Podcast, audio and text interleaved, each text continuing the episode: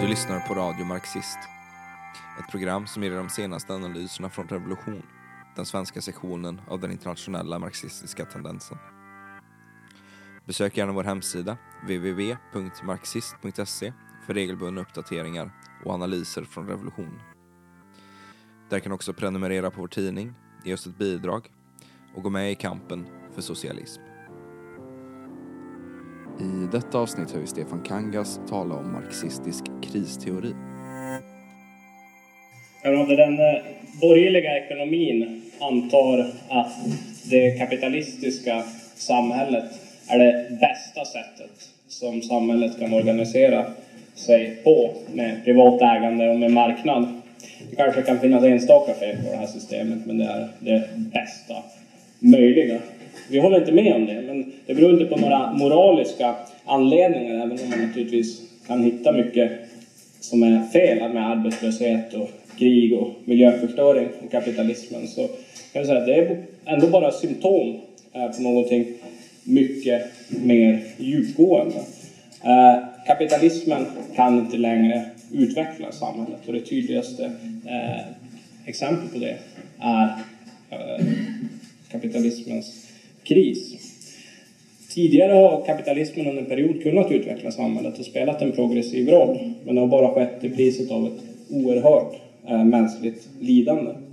Eh, grundvalen för systemet lades faktiskt inte av, som den här myten säger, av liksom fria entreprenörer som bara bytte eh, varor och tjänster på marknaden och såg till att kapitalismen växte fram.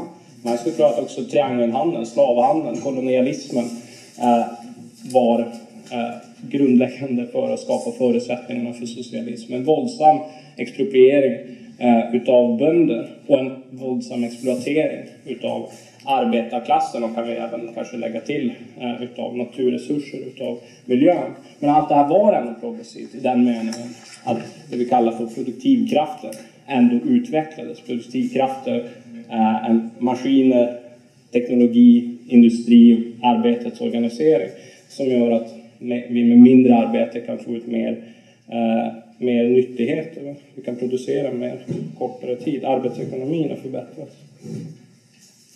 Och det som var progressivt var att kapitalismen under en tidigare period utvecklade samhället till en sån grad på världsskala att den la grunden till en ny och högre form av samhälle. Den la grunden för socialism, en planerad ekonomi som styrs demokratiskt och planeras eh, för att tillgodose mänskliga behov. En ekonomi som drivs av majoriteten eh, och inte av en liten klick i samhället i enbart och syfte att tjäna profiter. Men nu ser vi att kapitalismen inte längre utvecklar samhället. Man har eh, produktivkrafternas utveckling har börjat stagnera eller i vissa fall eh, gå tillbaka.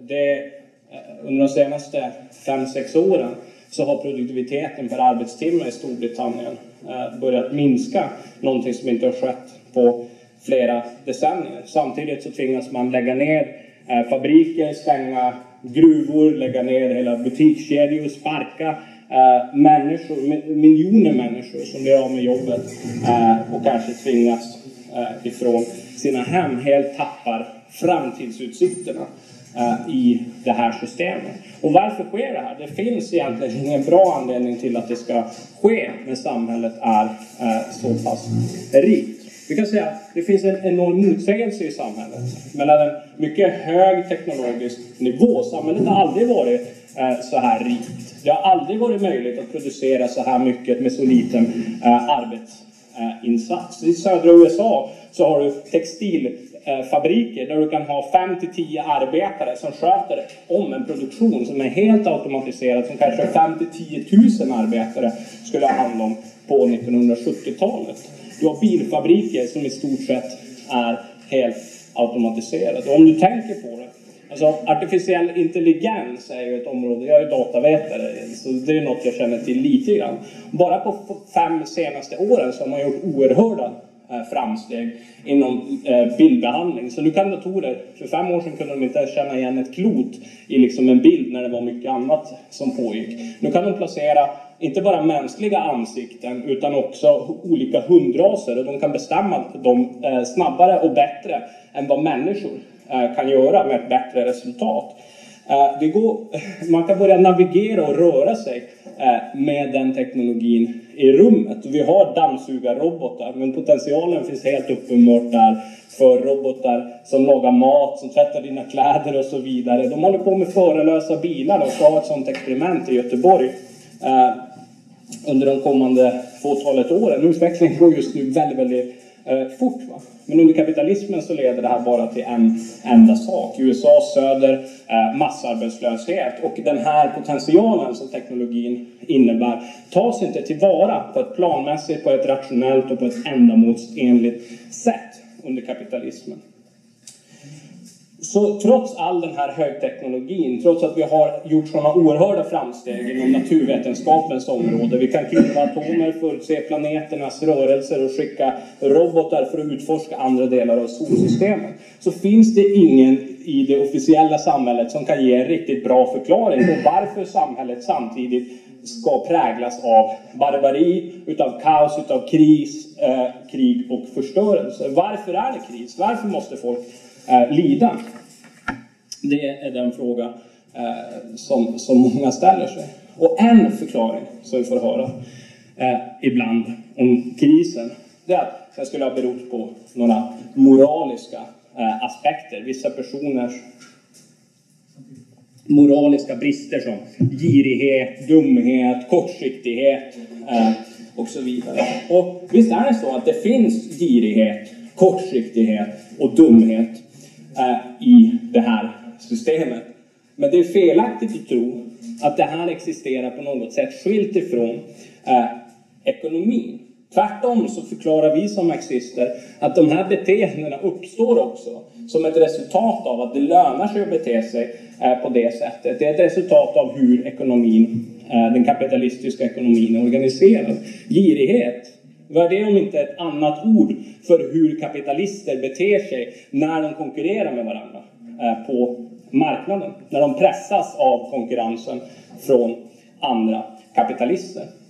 Marx förklarar att konkurrensen är grundläggande faktiskt i kapitalismens eh, funktionssätt. Det är det som gör kapitalismens inneboende tendenser till yttre tvångslagar för eh, kapitalismen som man måste förhålla sig till. Det är klart du kan ha en, en kapitalist som är mindre aggressivt girig och en som är mer aggressivt girig. Men du kan inte ha en kapitalist som slutar konkurrera på marknaden för han kommer bli utkonkurrerad eh, eller han kommer att bli uppköpt, han kommer att gå under. Eh, faktum är att innan den här krisen skedde så eh, sa de att det här skulle inte bli någon kris. Vi har diskuterat det här många gånger. Det har många olika namn. Ett tag hette det det nya ekonomiska paradigmet. Det hette den effektiva marknadshypotesen. De hade en massa fina eh, ord och förklaringar som sa att nu har vi haft en högkonjunktur så länge. Nu kommer det aldrig bli eh, någon kris igen. Och sen kliar de sig i huvudet och förstår inte vad som överhuvudtaget hände när krisen väl kom. Eh, och den här, alla de här förklaringarna har kommit på skam. Faktiskt, om man ser till de så kallade förklaringar som ges, så är de inga förklaringar alls, utan det är bara bortförklaringar för att försöka dölja deras klassintresse. De kan utgå ifrån saker, det får man lära sig om man går ner på Handels här borta. Ja, nu ska vi lära oss om ekonomi. Då börjar vi med det grundläggande antagandet att marknaden är, är, är effektiv på att allokera resurser. Alltså det är bara ett antagande. Sen ser vi hur eh, ungefär samhället fungerar givet det här antagandet. Alltså man antar det som man kanske helst av allt skulle ha börjat med att bevisa. Det är ett antagande i deras värld. Och det är ju inte seriöst eller vetenskapligt hållbart. Den enda vetenskapligt hållbara förklaringen till krisen är den som har getts av Marx, framförallt då Eh, i eh, kapitalet. Eh, och eh, den analys som man utvecklade där. Och det är den analysen som vi baserar oss på. Och vår utgångspunkt är eh, att kapitalismen är bara ett stadium i mänsklighetens eh, utveckling. Eh, och vi kan säga att eh, systemets stabilitet inte bara ges utav statlig repression utan i sista hand också eh, måste bygga på ett stöd eller åtminstone en passiv acceptans. Inte kanske från hela befolkningen eller alltid ens en majoritet, men en tillräckligt stor grupp för att kunna stabilisera systemet. Och vad bygger det här stödet på? Det bygger på att produktivkrafterna utvecklas, att det finns en känsla av att det går framåt, av att det blir eh, bättre. Och under en hel historisk period så kunde det här systemet också ge eh, sådana förbättringar. Man byggde dagis, man byggde sjukhus, moderna lägenheter, skapade pensionssystem, trygghet vid sjukdom och så vidare. Det var stora löneökningar. Det verkade ju då under de förhållandena som att kapitalismen faktiskt fungerar. Alla kan stegvis få det bättre och bättre och sen så kan alla bli medelklass. Reformisterna sa till och med att vi stegvis kommer att växa över i socialism. Och varför inte? Det verkade ju som att det här, eh, den här förklaringen hade ganska mycket eh, som talade för sig på, under en sån här eh, period. Och de här idéerna sjönk djupt in i massornas medvetande för att de verkade stämma överens med vad man kunde se i samhället. Medan marxismen verkade helt förlegad. De kanske passade för 30-talet men saknade relevans helt för att förstå dagens eh, samhälle. Idag är det annorlunda. Idag så kan vi säga att systemet har gjort det stora jobbet åt oss.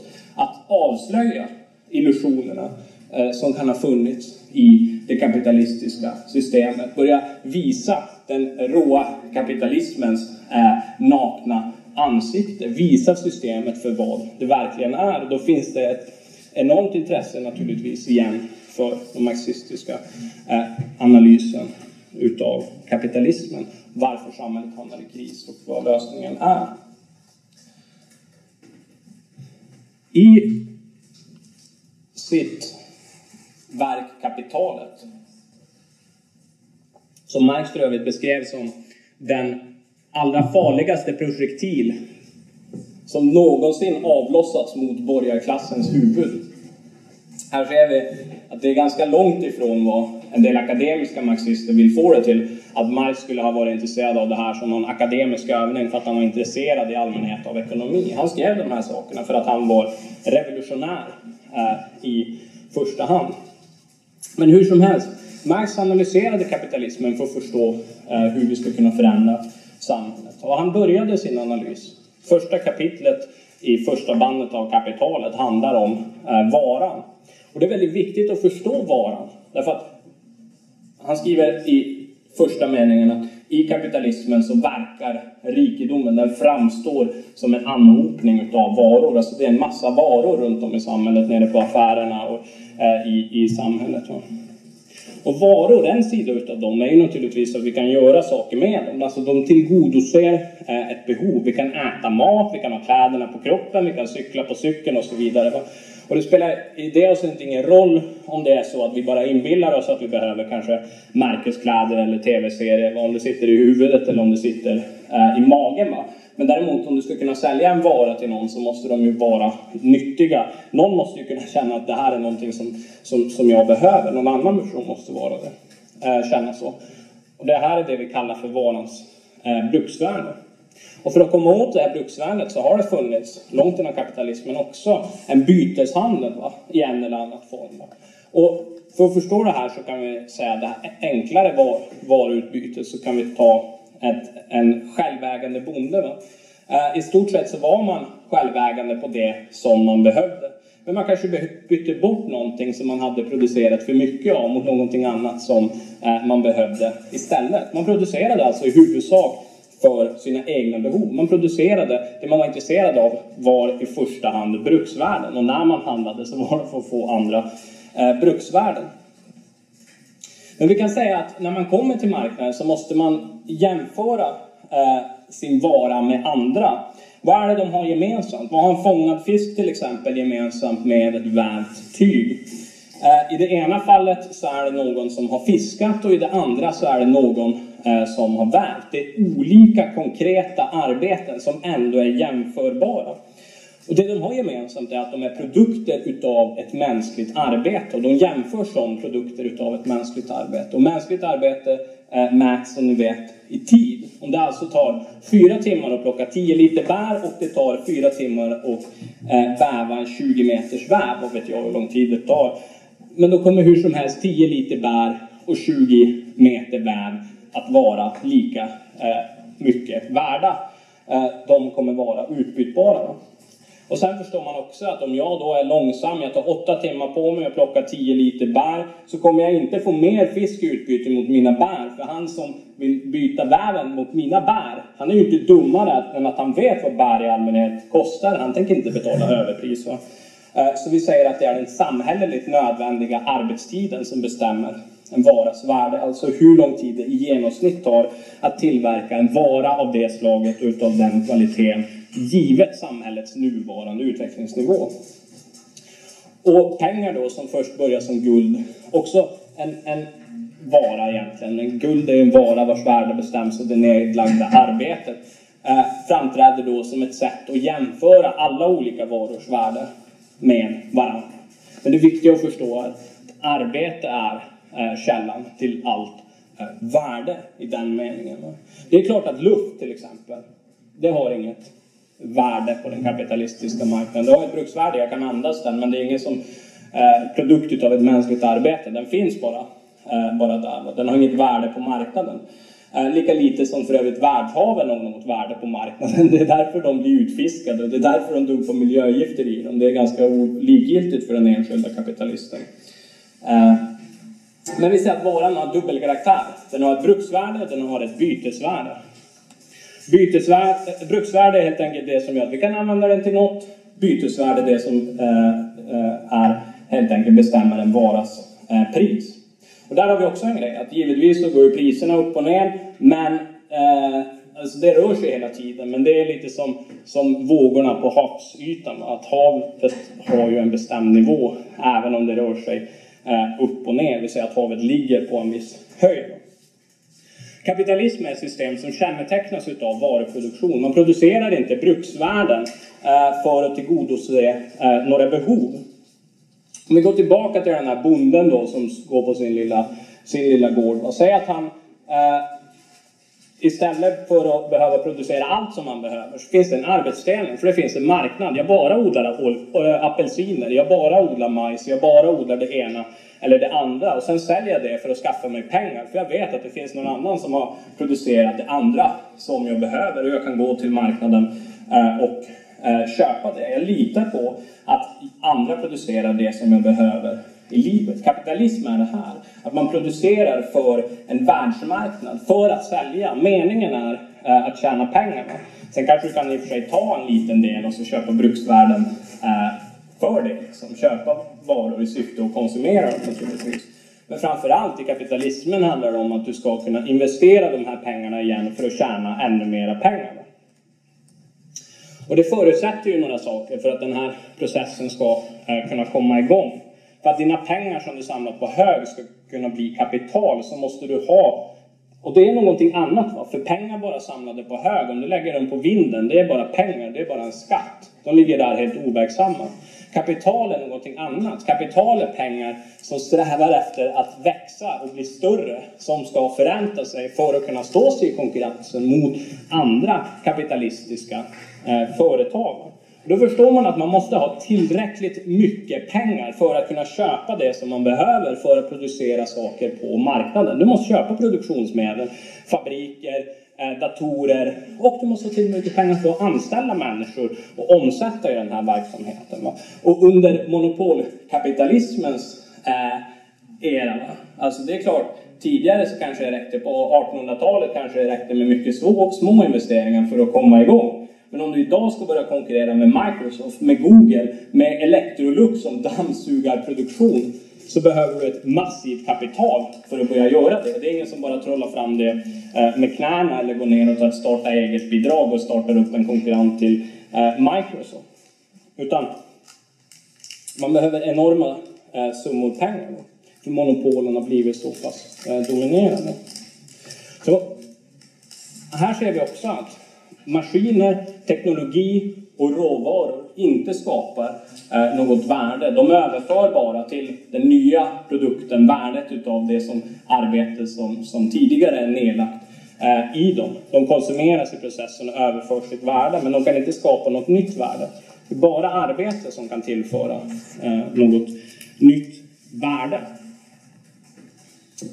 Eh, och det gör att för att kapitalisten ska kunna öka sitt kapital så köper man ju maskiner. Man köper också arbetskraft. Och arbetskraft är en vara som man hittar på marknaden som har den speciella egenskapen som maskiner inte har. Och det är att kunna skapa eh, nya värden. Och faktiskt, vi får ju en lön som vi vet går till att betala hyran, räkningar och mat och så vidare. Va? En del går till skatten genom utbildning, dagis, sjukvård och så vidare. Va? Allt det som går till att, att eh, behövs för att upprätthålla och reproducera, producera och reproducera arbetarklassen. Va? Eh, det är ju det som lönen och skatt, sociala avgifter ska räcka till. Va? Men när, samtidigt när vi kommer till jobbet så är det ju inte så att vi får gå hem. Om, är, om vi jobbar eh, flitigt i fyra timmar och så skapar vi ett värde som är stort nog för att betala våran lön. Det är inte så att vi får gå hem, utan vi får jobba vidare. Vi har ju inte sålt arbete i fyra timmar. Så är det inte. Marx upptäckt är att vi säljer just arbetskraften. Vi säljer förmågan att arbeta under en hel arbetsdag. Poängen är att vi kan producera mer under en hel arbetsdag än bara det som eh, motsvarar det värde som behövs för att vi ska kunna köpa allt det livsnödvändiga. Det finns en skillnad eh, mellan det som vi får betalt och det som vi kan producera under en hel arbetsdag. Det finns en betald del och det finns en obetald eh, del. Va? Men det är inte uppdelat i tiden så att jag kan säga att ah, först jobbar jag för kapitalisterna och sen så under eftermiddagen så, så jobbar jag för att få ihop min lön eller sådär. Och det där går bara till Det är ju tvärtom, det är varje sekund, varje minut, varje timme. Alltså är ju, det finns hela tiden en del som är betald och en del som är obetald. Va? Och det här är ju någonting som kallas utsugning. Va? Det är ett vetenskapligt begrepp som beskriver hur den härskande klassen kan tillägna sig eh, det samhälleliga överskottet. Va? Och det är det här mervärdet, den här obetalda delen i kapitalismen som är det där eh, källan till de kapitalistiska eh, företagens vinster. Det är inte lika tydligt som det var i slavsamhället. Om jag arbetar så tillfaller ju allting slavägaren. Om, om, I feudalismen så var det rätt uppenbart att när jag går och jobbar på eh, godsherrens gård, på hans jordarna, då är ju det hans. Och när jag ger honom skatt, då är ju det den del som han får och det jag behåller, behåller jag. Va? Kapitalismen är inte lika eh, tydligt, men utsugningen finns där eh, lik, eh, lik förbannat. Så vi har sagt att vilka pengar som helst eh, inte är kapital. Alltså man måste ha en tillräckligt stor summa pengar. Och det är någonting som man kan tänka på att om jag köper en aktie, det kan jag, gå, jag kan gå och göra det imorgon. Jag tror att jag har nästan tillräckligt mycket pengar nere i plånboken. Jag kan gå och köpa en aktie på börsen. Men det gör ju inte mig till kapitalist för det. Men däremot om jag skulle gå, om jag hade tillräckligt mycket pengar för att köpa flera tusen aktier, så kanske jag skulle kunna ha tillräckligt mycket för att kunna luta mig tillbaka resten av livet och aldrig mer arbeta och bara leva på att äga. Va? Eh, då eh, är jag ju kapitalist. Va? Och som kapitalist så har jag ju en del fördelar. Eh, jag behöver inte arbeta. Jag har också en oerhörd makt. Kapitalisterna upprätthåller sin diktatur inne på Eh, arbetsplatserna. De äger inte våra kroppar. Slavarna var ju ägda, de livägna i feudalismen, de var bundna till jorden. Men de äger ju våran tid. De bestämmer ju och förfogar över vad vi ska göra under större delen eh, utav eh, vår eh, vakna tid. Den har vi sålt till eh, kapitalisterna.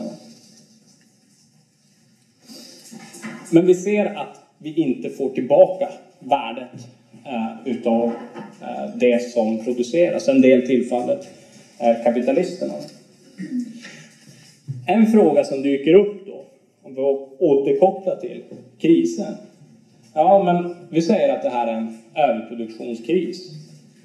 Kapitalisterna kan inte få sina varor sålda, men de kan producera mängder. Det är det det betyder. Men om det är så att arbetarna, som är de som i sista hand ska konsumera allting, eller? De får inte betalt för värdet av det som produceras. Varför är det så att systemet inte eh, direkt är i kris? För att det inte finns köpare av alla de värden som är uppbundna eh, i varor. Och du kommer ju inte göra några profiter om de inte får sålt sina varor. Du kan ju producera och göra mycket mer värde du vill, men du måste ju ändå sälja dem på marknaden i sista hand om du ska få några pengar som har poäng. Och här är det väldigt viktigt att skilja på den marxistiska teorin om överproduktion från olika teorier om eh, underkonsumtion. Underkonsumtion eh, Keynes till exempel, han pratade om att det var bristen på effektiv efterfrågan som ledde fram eh, till kriser. Problemet är att folk inte kan ja, helt enkelt köpa tillbaka det som, som produceras. I bästa fall så kan vi säga att sådana här teorier om underkonsumtion, det är klart det finns underkonsumtion. Alla arbetare vet att det finns underkonsumtion i den med att man inte råd att köpa det som man behöver. Liksom. Ungarna får inte skridskor eller liksom, man får avstå ifrån den där. Vi, vi stannar hemma på semestern eller sådär. Men det kanske inte är det vi pratar om. Eh, utan frågan är, kan man köpa tillbaka det här? Men jag skulle säga att underkonsumtionsförklaringarna förklarar ju en sida utav det. Men det är extremt ensidigt. Va? Utan det är också så att kapitalisterna, varför systemet inte hamnar i kris, det är också så att kapitalisterna konsumerar va? och de investerar en del av mervärdet i produktionen. Och det finns en uppdelning på marknaden mellan det som borgerliga ekonomer kallar för konsumentvaror och kapitalvaror. Konsumentvaror är ju det som arbetare då typiskt ska köpa, limpor och mjölk och allt det vi köper nere på ICA. Och kapitalvaror, det är ju produktionsmedel. Det är ju datorer, maskiner, robotar, lastbilar, stål och annat va, som eh, man behöver för eh, att producera. Och det är faktumet att de investerar en del eh, i produktionen eh, gör att, att man inte hamnar eh, i, i kris. Men det här räcker ju inte för att förklara överproduktion egentligen. Va? För om värdet består av, och dels går ju en del till arbetarnas löner som konsumeras. Sen går det till kapitalisterna och det har ju också två delar va, egentligen. En del som återinvesteras i produktionen och sen har du en del som kapitalisterna tar sin, sin egen privata lyxkonsumtion. Va? Ja, då borde ju allting rulla på. Va? Men det här är ju lite ensidigt. Va? Problemet är ju vad som händer med de här investeringarna. Att det sker helt planlöst, anarkiskt, på marknaden. Det finns ingen central instans som bedömer hur mycket av de här varorna som eh, måste produceras. Kapitalisterna, de är inte intresserade av bruksvärden. De är inte intresserade av att producera för mänskliga behov. De vill producera för produktionens egen skull. De vill ackumulera kapital för ackumulationens egen skull. De vill göra sin lilla pengahög, sin kapitalhög, till en stor pengahög, en stor kapitalhög. Det är det de är intresserade av. Och de har en ändlös vilja till att göra det. Och därför så tävlar, och samtidigt så tävlar de med alla andra kapitalister, ni vet, hungrigast vinner. Så de fortsätter att investera och investera och investera. Helt planlöst, som om det inte fanns några gränser. Och samhället bygger upp en väldig överproduktion. Inte i förhållande till naturligtvis då igen vad människor behöver. Det kan finnas väldiga behov. Men kapitalisterna producerar inte för mänskliga behov. Utan det blir en överproduktion i förhållande till vad som går att sälja på marknaden. Så du får den paradoxala situationen att samhället är för rikt inte en kris som beror på situationer som naturkatastrofer, eh, som, eh, som i feodalismen eller slavsamhället. Det kunde vara missväxt, eh, krig, pest, översvämning och så vidare. Va? Utan att samhället är för rikt. Hyllorna är fulla i affärerna men det finns inga köpare. Va?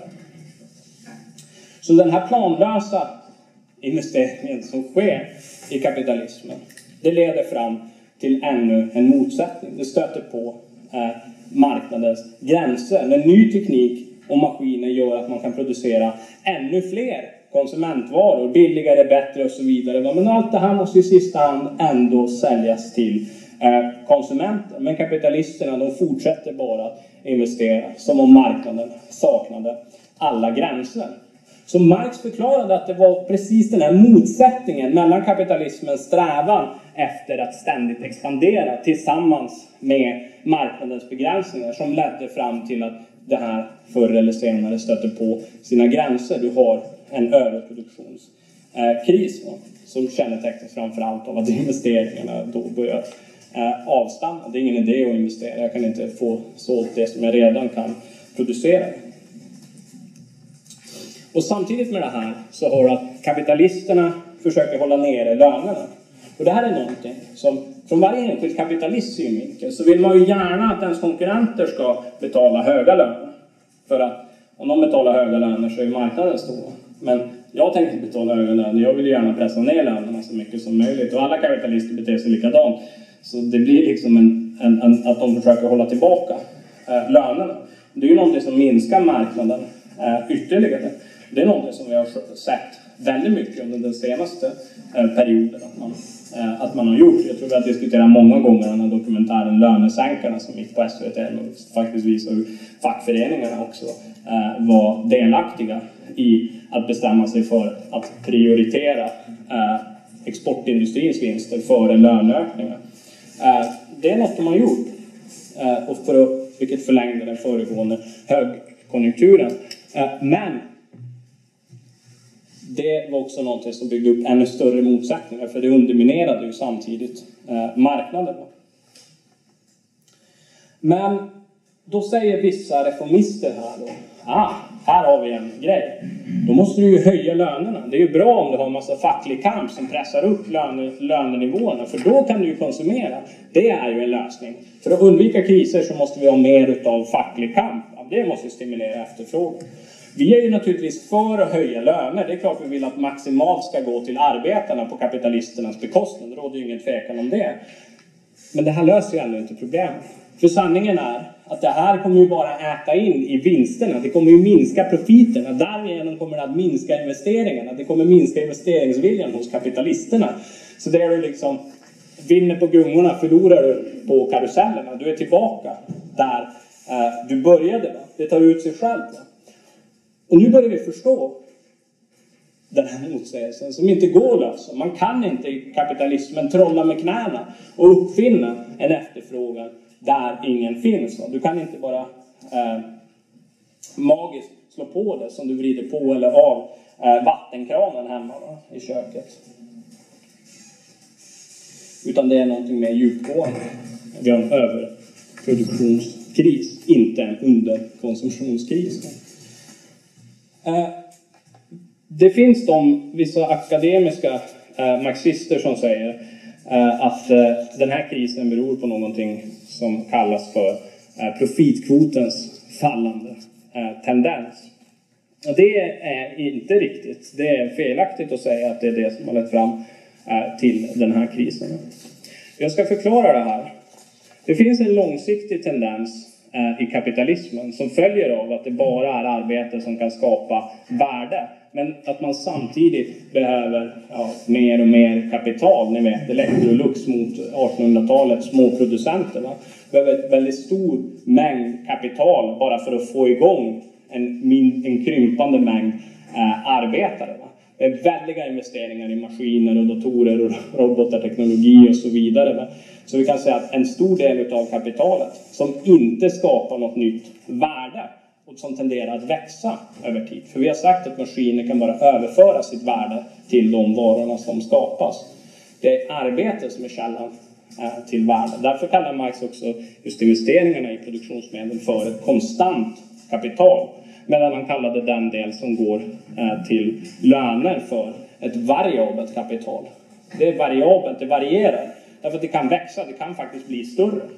Om det är så att den, en, det konstanta kapitalet tenderar att växa på det variablas bekostnad. Det variabla kanske till och med minskar. Du kan ju liksom producera mer men du har till och med färre människor. LKAB nu, de ska fördubbla produktionen, sparka 400 liksom. Då kommer du också få att den här vinsten, vinsten är ju baserad naturligtvis på hur mycket eh, ja, det är arbetstid helt enkelt. Hur mycket mervärde du kan suga ut ifrån arbetarna. Men när du och det är ju liksom mervärdeskvoten och den står ju i förhållande till lönen. hur stor är utsugningen? Men den andra delen är ju hur mycket kapital måste jag totalt sett investera?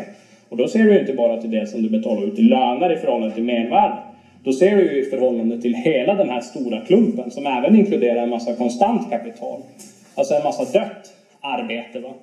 som inte kommer att ge några nya värden. Och därför så kommer ju, om det konstanta kapitalet bara växer och växer, så kommer ju profitkvoterna över tid att minska. Därför att profiten, vinsten, är ju en relation mellan det totala kapitalet, alltså konstant plus variabelt kapital, i förhållande till vinsten som jag får, som bara kan komma från mervärdet. Jag tror att det har blivit tydligt. Och då, naturligtvis, så kan det ju vara så Eh, att eh, det finns en massa olika saker som gör att det här motverkas på olika sätt. Till exempel så kan du ju öka utsugningen av arbetarklassen. Genom att få dem att arbeta eh, snabbare, hårdare, ta färre pauser. Du kan skicka in, som du gjorde på 70-talet, 60-talet, skicka dem in tidsstudiemän och mäta upp olika moment och räkna ut hur lång tid de skulle ta.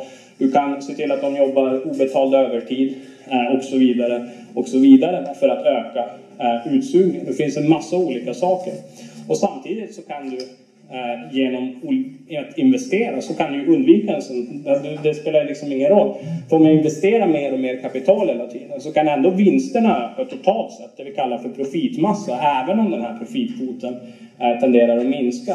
Och faktiskt om vi ser under den senaste perioden så har profitkvoterna ökat fram till 2005, eh, 2006.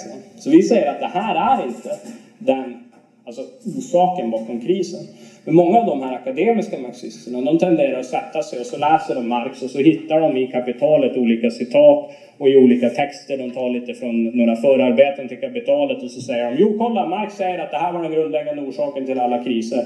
Så finns det ju en massa där Marx säger motsatsen va? Eh, också. Och där är liksom, då ska vi slåss vem och hitta de snyggaste citaten och mest övertygande citaten. Men frågan är ju vad har den här läsningen, liksom, du sitter där och läser dina böcker, vad har det här med verkligheten att göra? Det blir ju en väldigt, liksom, ja, det är ju verkligheten vi ska studera och ändå utgå ifrån. Och det är klart att profitkvoten spelar ju en roll. Profitkvotens fallande tendens spelar ju roll som en långsiktig tendens i det kapitalistiska eh, systemet och en bakgrund mot vilken, eh, mot vilken eh, alla, eh, all utveckling eh, sker och mot vilken kriserna också sker. Men vi kan inte isolera den som den ensam bestämmande faktorn och sitta och räkna på profit, profitkvoten och säga ja, om vi bara bestämmer den och hur den rör sig så följer allting annat utav det. Utan det är en mängd olika faktorer som kan samverka till hur en eh, kris kan eh, och kommer eh, att utvecklas. Under den period som föregick krisen så var det en enorm press mot arbetarklassen. Det var en av de viktigaste faktorerna. Eh, som gjorde att man ändå kunde öka vinsterna, faktiskt öka eh, profitkvoten under den föregående eh, perioden. Det var bland annat eh, den här pressen tillsammans med världsmarknadens utbredning. Det finns en massa externa faktorer också som kan påverka hur profitnivåerna kommer att utvecklas. Som krig, som klasskamp, saker som händer i samhället. Och vi måste analysera de här sakerna konkret. Vi kan inte bara stirra oss blinda på en enda siffra och säga att allting annat följer eh, utav den. Det blir väldigt, väldigt eh, mekaniskt. Då. Den eh, nuvarande krisen är dock mycket större än en vanlig kris i kapitalismen kan vi säga. Vi har använt begreppet organisk eh, kris för att beskriva eh, den eh, här situationen. Och med det menar vi att systemet nu har gått väldigt långt utöver sina gränser under en hel eh, historisk period och stött på de här gränserna och hamnat i en återvändsgränd som är så pass allvarlig att en långsiktigt ökande kurva har förbytts i eh, stagnation. Och vi står kanske på många sätt på vippen till eh, att ha en vändning till att faktiskt börja gå övergripande, en långsiktig tendens eh, nedåt. En ny kris kan vara en utlösande faktor till en sån allvarlig eh, eh, ja, faktiskt tillbakagång. Och på sina håll så ser vi en sån tillbakagång redan. De förstör eh, produktivkrafterna. Så det är ingenting cykliskt. Va? Det är inte som kanske en krisen eh, i Sverige. Ja, nu, vi har haft olika kriser i Sverige och sen så har liksom systemet ändå, ja det blir lite sämre och sen så blir det lite bättre igen. Liksom. Många arbetare har ju varit med om många kriser förr va? och säger att ja okej nu är det problem och så lägger de ner lite men sen kommer det ändå igång igen och så blir det bättre. Och det tänkte man sig lite grann efter 20, kring 2008 också. Okej, okay, det här ser ju inte bra ut, okej. Okay. Men vadå, det blir ändå bättre igen och sådär. Och sen så blir det ingen återhämtning för människor. Det händer ingenting. Det är en återhämtning bara för de rika. Jag tror i USA så har de siffror att 99 procent utav den så kallade återhämtningen har gått till den rikaste procenten i samhället. Du har haft att eh, det, det sker inga produktiva investeringar, men bankerna gör rekordvinster. Va? Och det är rekordnivåer på börsen. De rika i samhället upplever en återhämtning, men det är fortsatt kris för alla andra. De pratar om en återhämtning utan några nya eh, arbeten. Och då kan man fråga sig vad det där är för slags återhämtning. I så fall är det den svagaste återhämtningen i vart fall eh, i eh, historien. Va? Och nu har den ju visat alla tecken på att vara extremt skör om vi tittar på Kina. Därför så beskriver vi det här som någonting annat. Eh, inte, inte bara då liksom en vanlig kris, utan det är mer utav, som någon cyklisk grej som snart kommer att återhämta sig. Utan det är en historisk fråga som är, handlar om att kapitalismen som system har uttömt sin potential och inte längre på världsskala kan utveckla produktivkrafterna. Det är en situation som kommer pågå i år och årtionden. Därför beskriver vi det som en organisk kris för kapitalismen. Men det är viktigt att förstå att vi inte pratar om en slutgiltig kris för kapitalismen. Det här var den typen av ultravänsteridéer som eh, Lenin och Trotskij fick slåss mot i den kommunistiska internationalen. Där det fanns de som sa att kapitalismen har kommit in i sina, sin sista och slutgiltiga kris. Samma ultravänsteridéer som stalinisterna stod för under den så kallade tredje perioden. Eh, nu är systemet uttömt, det kommer oundvikligen ersättas av någonting annat. Lenin avfärdade allt det. Han sa att det finns ingenting som heter en slutgiltig kris för eh, kapitalismen.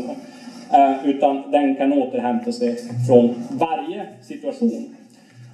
Frågan blir ju bara då för oss, väldigt konkret, eh, hur lång tid det här kommer ta och vad kostnaden för det kommer bli. Vad kommer de att tvinga oss att gå igenom, givet att de redan har genomfört och inlett ett eh, vad vi bara kan beskriva som ett klasskrig i länder som Grekland mot arbetares eh, levnadsförhållanden. Så det viktigaste just nu är att se vilka konsekvenser får eh, den här krisen för eh, det, det, vilka politiska konsekvenser får? För vad de måste göra, det är att se till att det återigen, eh, att de kommer sig ur eh, den här överproduktionskrisen. Eh, det handlar om att, att eh, hitta tillbaka till ett system där det återigen blir lönsamt att investera för att kunna driva på en ny eh, uppgång. Å ena sidan så har de ju gjort så att de har förstört produktivkrafter, de har förstört fabriker, de har lagt ner fabriker. I norra Italien så har du hela spökstäder som liksom breder ut sig, där folk flyttar därifrån. De har byggt kring, kring en viss industri Va? när den lägger ner finns det ingen anledning att bo kvar där. För man har kanske flyttat från södra Italien för att bo där. Nu får man flytta hem igen.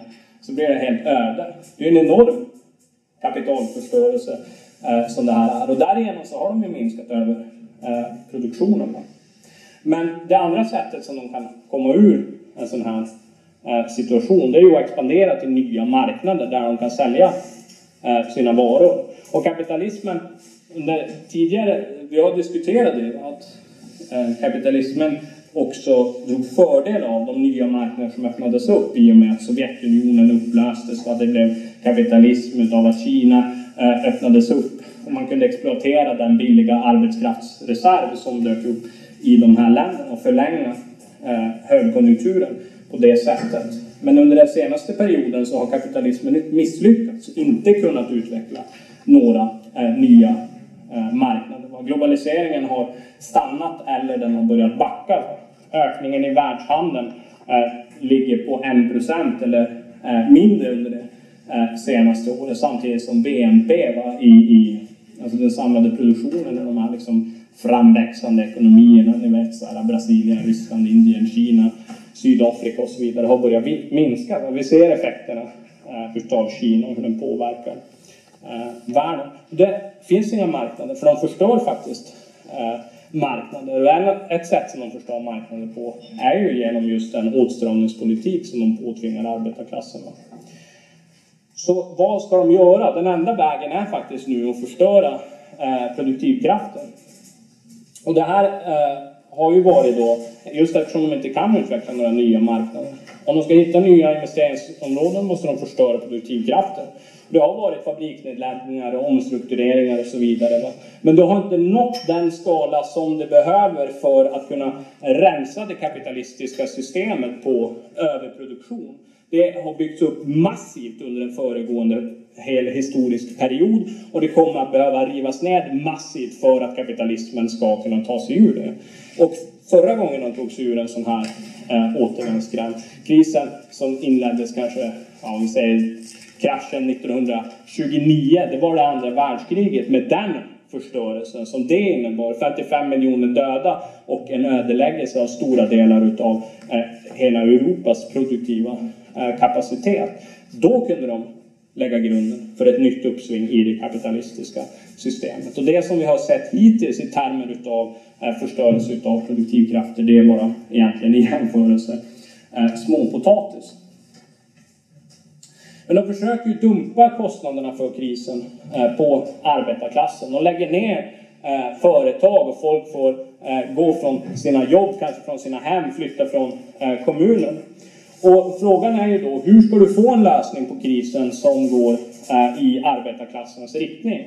Och här finns det ju inte några smarta lösningar. Reformisterna tänker ju sig, ja, de vill kanske kämpa för lönerna, då måste det ju bli bättre. En annan sak de gärna pratar om är, ja men vi höjer skatten, beskatta de rika va. Det är ju också någonting som vi gärna är för. Vi beskattar gärna de rika va. Eh, och, och använder de pengarna för att satsa på eh, välfärd och eh, allt möjligt va. Men poängen är ju återigen, precis som i löneökningar, att för det första, du överför ju bara pengar från privata fickor då i det fallet till statens eh, kassakistor. Va? Och eh, du kan, du kan eh, eh, kanske använda dem till någonting, men samtidigt underminerar du vinsterna. Du sitter kvar eh, i samma eh, grundläggande problem. Hur eh, ska du dessutom, om vi säger det att det löser inte så mycket, frågan är också hur ska du lyckas genomföra de här skattehöjningarna? Vem är det som ska genomföra de här skattehöjningarna? Ska du be Greklands skatteverk gå och skruva åt tumskruvarna på de grekiska kapitalisterna. När de systematiskt i årtionden har sett mellan fingrarna med deras skattefusk. Ska du be det svenska skatteverket att göra samma sak mot det svenska storkapitalet? Det kommer inte att hända, det är en fullständig utopi. De enda som skulle kunna tvinga igenom några skattehöjningar, det är arbetarklassen. När den mobiliserades själv, om den hade insyn i eh, de stora företagens räkenskaper. Om de kunde avslöja deras skattefusk och det fiffel som försiggår bakom kulisserna i storföretagen, då skulle de kunna implementera en faktisk eh, chockhöjning av bolagsskatten, allt vad vi kanske ropar på demonstrationer. Då skulle vi kunna göra de orden till allvar va? för första gången. Det kräver en stor rörelse. Det kräver en stor rörelse också för att vi måste tvinga kapitalisterna till det här. För att varje vänsterregering som kommer komma till makten kommer naturligtvis att drabbas av kapitalflykt, av ekonomiskt sabotage eh, och så vidare. Och därför är de här frågorna, om du börjar prata om skattehöjningar helt abstrakt. Hur ska du genomföra det? Ska Löfven göra det? Ska du bara rösta igenom det i riksdagen och tro att det går bra? Och så vidare. Det enda realistiska alternativet på sikt, om du menar allvar med de här orden. Va? Det är klart, vi säger inte till reformisterna att det är, det är för jävligt av er att ni vill höja skatten. Det här kan vi inte göra för vi har en teori som säger att så här får man inte göra. Det kommer inte gå. Va? Och vi säger här, om ni menar allvar med det här, då måste ni genomföra det fullt ut. Och det enda realistiska sättet att kunna få kontroll över samhällets resurser, det är det skattehöjningar handlar om i sista hand, är det inte? Att överföra resurser från privata händer till det gemensamma, till eh, för att genomföra förbättringar för vanliga arbetande människor. Om du menar allvar med de orden så är det enda realistiska alternativet att expropriera eh, kapitalisternas tillgångar. Och på det sättet, de största bankerna, de största företagen, de största monopolen och gruvorna och så vidare, använda dem för att utveckla eh, samhället. Och då ser vi att hur krisen ska utveckla sig, det beror också på klasskampen. Klasskampen kan spela eh, en avgörande eh, roll. Det är viktigt att vi förstår i detalj också Marx analys utav det kapitalistiska systemet. För det är den bredare bakgrund mot vilken all klasskamp, all vår eh, kamp för socialism faktiskt utspelar sig. Det är premisserna, om du så vill. Men vi kan inte bara nöja oss med att isolera, som de här profitkvotens fallande tendens, de isolerar en liten siffra och iakttar den separat. Vi måste ta klasskampen i sin helhet för att verkligen förstå vad vi behöver göra, vad den nuvarande perioden ställer oss inför eh, för viktiga utmaningar. Vi måste förstå relationen mellan den här övergripande ekonomiska eh, bilden och klasskampen och politiken och människors eh, medvetande. För vad varje eh, kris faktiskt avslöjat, det är att produktivkrafterna de har blivit för väldiga för det kapitalistiska systemet. De har växt till en sån nivå att de kan producera sådana mängder att marknaden inte längre kan eh, svälja det. Eh, varuproduktion avslöjar i sig att det redan finns en högt utvecklad arbetsdelning, att det finns en världsmarknad eh, där jag hittar det jag behöver. Jag kan producera eh, för, att, för att byta det med andra. Jag måste inte göra allting på min eh, lilla gård. Jag specialiserar mig och satsar på det som jag är bra på. Det här är ju någonting som är progressivt, någonting som kan eh, ha hjälpt till att utveckla samhället. Det finns en social relation i det avseendet mellan människor där vi helt enkelt delar arbetet. Du producerar det och jag producerar det. Men i kapitalismen så sker det här helt planlöst. Det sker på marknadens villkor. Va? Det sker på kapitalisternas villkor, förmedlat genom deras girighet och deras eh, dumhet. Men potentialen finns ju helt uppenbart där för att göra det här istället planenligt. Varje storföretag är ju faktiskt extremt planerat. In i minsta detalj. Där har du ingen marknad. Nu ska jag skruva i en skruv, då går jag över till andra sidan av fabriken och så går jag och köpslår om den bästa skruven. Det gör man inte. Skruvjäkeln ligger där. Va? Den har redan skickats dit. Det sköts automatiskt. Det är inte ens en människa idag som sitter och skruvar. Det sköts av datorer. Här ser du potentialen. Marx sa också mycket riktigt att den värsta anklagelse de kan hitta på att säga mot oss kommunister, va, det är att vi vill att hela samhället ska drivas som en enda stor eh, fabrik. I en nationaliserad, planerad ekonomi så skulle vi kunna använda samhällets resurser, den tillgängliga teknologin, på ett ändamålsenligt, rationellt, planer, planmässigt sätt för att tillgodose eh, mänskliga behov. Utan marknadens anarki och planlöshet så skulle inte produktivkrafternas utveckling stöta på några artificiella hinder som ställs upp eh, utav eh, marknaden. Va? Vi skulle regelmässigt kunna uppnå de siffror som det kapitalistiska systemet som bäst har är producerat. Vi skulle kunna uppnå en tillväxt på säg 10 20 procent utan vidare. En utveckling som inte skulle avbrytas utav några kriser. Vi skulle kunna fördubbla ekonomin, om vi säger väldigt konservativt, inom 10 år. Vi skulle producera dubbelt så mycket. Produktiviteten skulle ju ha ökat. Vi skulle kunna sänka arbetstiden. Vi skulle kunna bli fria som människor och ägna oss åt det som vi vill göra och inte att slava under kapitalets diktatur inne på arbetsplatsen. Allt det här är inom räckhåll. Kapitalismens kris är faktiskt på många sätt, den förstör människors liv, men det är också en möjlighet. Inte bara för arbetarklassen att göra sig av med systemet, utan också för marxister att gripa in med sina idéer, med förklaringar på eh, hur systemet fungerar och vad man kan göra istället. Marx intresserade sig mycket för det här. Han sa att kapitalet var den farligaste projektil som har avlossats mot borgarklassens huvud. Han skrev inte för de akademiska belästa så kallade experterna som nu sitter och gräver ner sig i sina, i sina studiekamrar här uppe på Sprängkullsgatan. Han skrev för arbetarklassen, för att beväpna arbetarklassen i sin kamp. Han skrev för att han var eh, revolutionär. Och faktiskt är det nu som systemets återvändsgränd visar sig. Det är nu som den vanliga rutinen bryts upp som under decennier har format den svenska Eh, och internationella arbetarklassen, men i synnerhet den svenska, avtrubbat deras medvetande, gett den en viss, kan man säga, eh, stora, egentligen illusioner och avtrubbat eh, deras, deras insikt om hur systemet fungerar.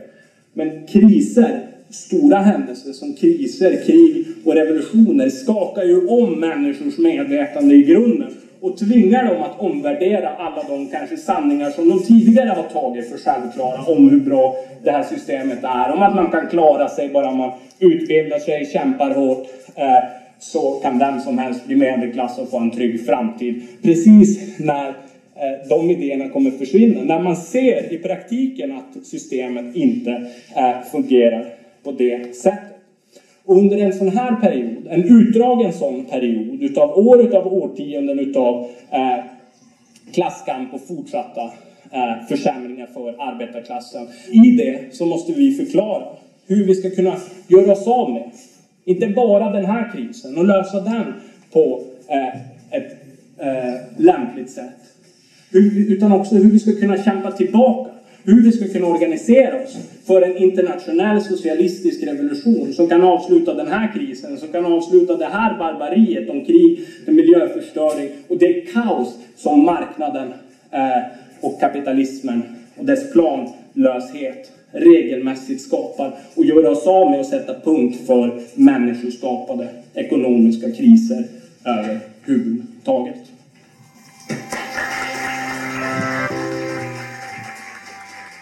Tack för att du har lyssnat på Radio Marxist. Prenumerera på oss via Soundcloud, iTunes, Spotify eller där du hittar poddar. Vill du veta mer om oss i Revolution? Gå gärna in på vår hemsida www.marxist.se där du kan ta en prenumeration på vår tidning, ge oss ett bidrag eller gå med oss i kampen för socialism.